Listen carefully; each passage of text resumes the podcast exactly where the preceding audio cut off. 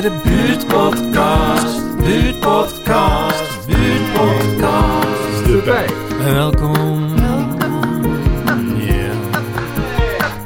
Welkom bij buurtpodcast De Pijp. Aflevering 5, Vicky. Dit keer geen audioportret. Ik heb me namelijk gericht op een klein stukje van de pijp. Namelijk die nieuwbouwblokken bij de Lutma en de Ferdinand Bolstraat. Daar waar het Okura Hotel ook staat. Ben jij eigenlijk wel eens in het Okura geweest? Eh, nee. Maar je maakt me wel heel erg nieuwsgierig. En jij?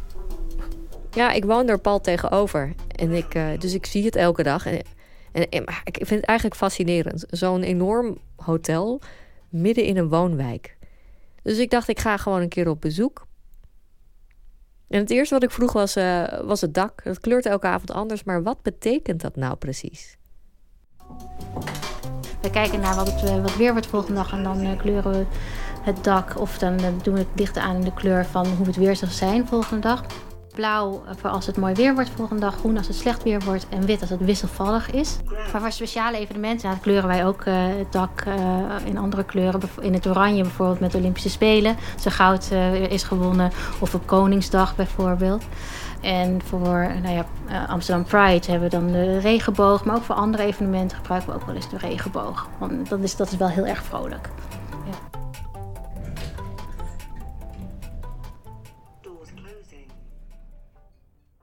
Het Okura is best wel een chic hotel met meerdere sterrenrestaurants en een later aangebouwde wellnessgedeelte. Ik vroeg naar de relatie van het hotel met de buurt en zijn bewoners. En ze probeerden de buurt wel te betrekken. Ze hebben bijvoorbeeld een samenwerking met het verzorgingshuis op de Ferdinand Bolstraat, de Oude Raai. De oude rijden eh, organiseren wij al jaren een, een high tea voor. Nou, dan gingen we altijd naar, met, z'n- met, met een groep gingen we naar, eh, naar de oude rij toe. En dan gingen we het echt helemaal opdekken. En dan verzorgden we dat ook. En nemen we een kletspraatje met, met, met, de, met mensen van de oude rij. Dat werd altijd enorm gewaardeerd. Kon het vorig jaar helaas niet doorgaan. Door, eh, door corona. Dus toen hebben wij de, eh, hebben wij de Okura-tulp hebben wij aan de oude rij eh, gegeven. Wij hebben een eigen Okura-tulp. Het zijn die rode tulpen, de hele hoge rode tulpen die je kan zien.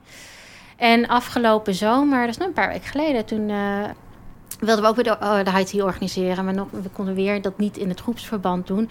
Dus toen hebben we, dat, hebben we per kamer een high tea box verzorgd. Ik denk niet dat iedereen dat weet hier in de buurt, maar dat we echt wel heel veel doen, voor, doen met de oude rij. Ik vroeg mijn buurvrouw, die we ook kennen uit aflevering 2, hoe ze het vond om in deze straat te wonen, zo met uitzicht op het hotel. Nou, ten eerste heb ik aan de overkant geen buren, dus dat scheelt. Ja, we hebben het Okura en het benzinestation. Toen stond het er nog niet, hè? Dat Nee. heb er niet gestaan allemaal, hè? Wat er Nee. nu daar staat, dat heb er nooit gestaan. Wat stond er voor Niks. de... Oude rij is gesloopt. En voor de rest, die woningen stonden niet van de Lyciantistraat daar. Nee.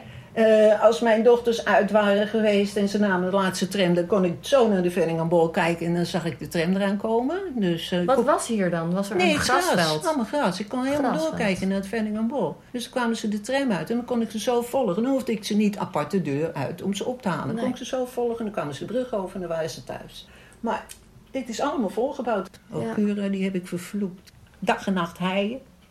Nou ja, toen kregen we als dank een potje bloemen. Oh nee. Ik zei, die mag je houden. Moet ik niet hebben. Is dat alles? Kregen we ook bericht van dat er een zwembad werd gezet en dat daar zo'n eh, zo'n hek voorkwam en weet ik veel. Nou, een heleboel protest natuurlijk van de buurt, want eh, je gaat er niet een hek voor mijn neus neerzetten. En eh, ik zei, wat moeten wij met een zwembad? Ik zei, mogen we daar ook gebruik van maken? Ja, maar mevrouw, nee, is alleen voor de gasten. Goed, ik zei, maar we krijgen geen hek voor ons neus. Toen hebben ze dat groen zo Dat groen, oh ja. Nou ja, daar netjes. kan ik dan nog wel mee mijn eigen... Ja. Sixth floor.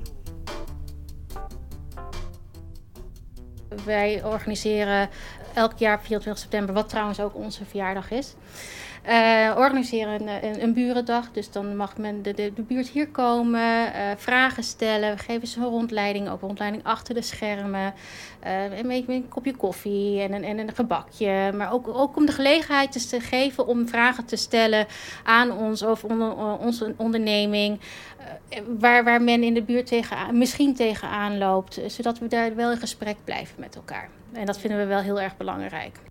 En ja, het voordeel ook hier in het Sakura zelf is prachtig uitzicht over de hele stad. En één oogopslag zie je heel Amsterdam.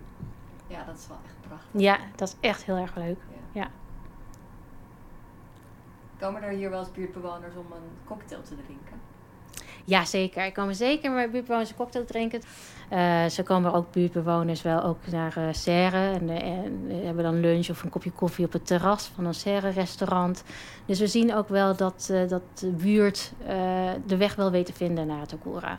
Alle gebak maken we zelf. Komt uit onze eigen pastry-keuken. Dus ik kan zeker de appelgebak aanbevelen. Dus zeker, dus zeker een keertje langskomen. Lekker op het terras. Dat heerlijk aan, het, aan de gracht.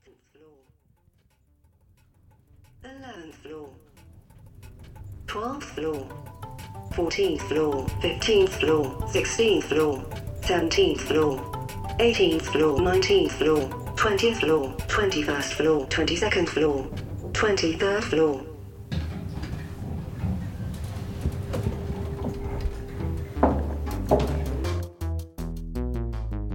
Dat is daar nu allemaal nieuwbouw. Bij de Oude Rij, de Lizzie Anzingstraat, Huis van de Wijk, de kinderboerderij, die blokken. Wat stond daar dan eerst? Is het gesloopt? Frans, we kennen hem nog uit de eerste aflevering, kon me er meer over vertellen. Hij laat me een oude foto zien van deze huizenblokken. En daarop wordt eigenlijk duidelijk wat er eerst stond. Dit is namelijk de plek hier, op deze hoek, is het huis van de wijk, nu. Maar vroeger was daar de Sociale Verzekeringsbank. Die zat hier, er waren allemaal houten gebouwtjes. En die gingen zo de hoek om, de Lutmerstraat in. En dat is uh, op een gegeven moment allemaal de fik ingegaan en verbrand. En er was de Sociale Verzekeringsbank. En er zat ook de KBR in. Dus de kunstenaars. Uh, dus je moest eens in de maand moest je een schilderij inleveren. Om je, en dan kreeg je een KBR-uitkering. Nou, die hele kelders hieronder stonden vol met schilderijen en kunstwerken. En door die brand en die regen hebben ze alles in een container gegooid. En ik heb twee schilderijen eruit gehaald. En die heb ik ongeveer een jaar of tien later, heb ik die verkocht. De een bracht 8000 gulden op en de andere 16.000. Dus eh, ik, uh, ik, had geld genoeg om alles te kunnen doen en te willen, weet je. Want, uh, en die schilder had ik gewoon uit de container gehaald. En het waren bekende mensen inmiddels, kunstenaars. De sociale dienst en zo en dat soort dingen bestonden eigenlijk amper. Dus uh, je kreeg dus een uitkering als kunstenaar, maar je moest eens in de maand een kunstwerk inleveren. Nou, de meeste is vernietigd dus door uh, de containers. Ja, maar ze, hebben, ze waren er wel redelijk op tijd bij, maar uh, ze hebben alles nat gespoten. Dus ja, toen moest het eigenlijk gesloopt worden. Dus ja, dat is allemaal verdwenen. Woonde u toen, toen nog in de Lutmastraat? Ja, ja. Heeft u de brand ook gezien? Ja, die heb ik ook meegemaakt. Hoe was dat? Nou, fikkie. het is allemaal hout, dus het brandde wel. Maar ja, die brandweer is uh, erop afgekomen. Die hebben het echt uh, op tijd wel kunnen blussen. En het probleem was namelijk, want hiervoor, dat kan je zien, in de lopen daar die hekken, zie je? Ja. Daar zaten allemaal dieren achter. En da daardoor naar aanleiding daarvan is de kinderboerderij gekomen hier. Alles heeft dan weer connecties en verbindingen. Maar, uh, maar daarom weet ik het zo goed.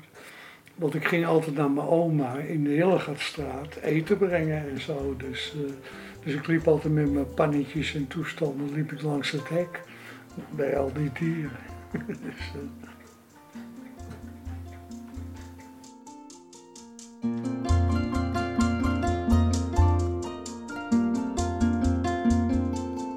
Frans heeft het over een KBR-uitkering, maar hij wees mij erop dat hij dit fout benoemd heeft. Hij bedoelt hiermee de oude BKR, de Beeldende Kunstenaarsregeling. Nou, tot zover mijn onderzoekje in dit stukje van de pijp. Jemig, wat een verhaal weer? Ja. Dat wist ik echt niet.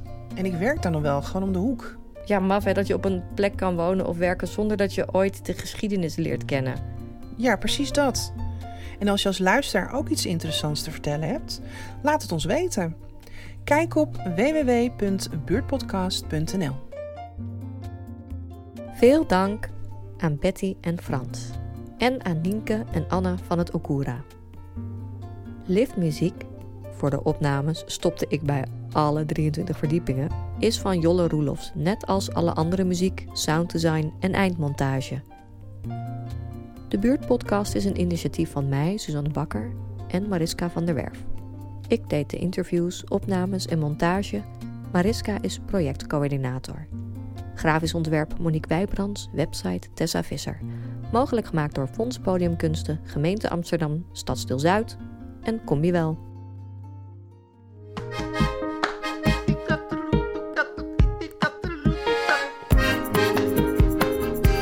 En welkom bij de buurtpodcast. Buurtpodcast.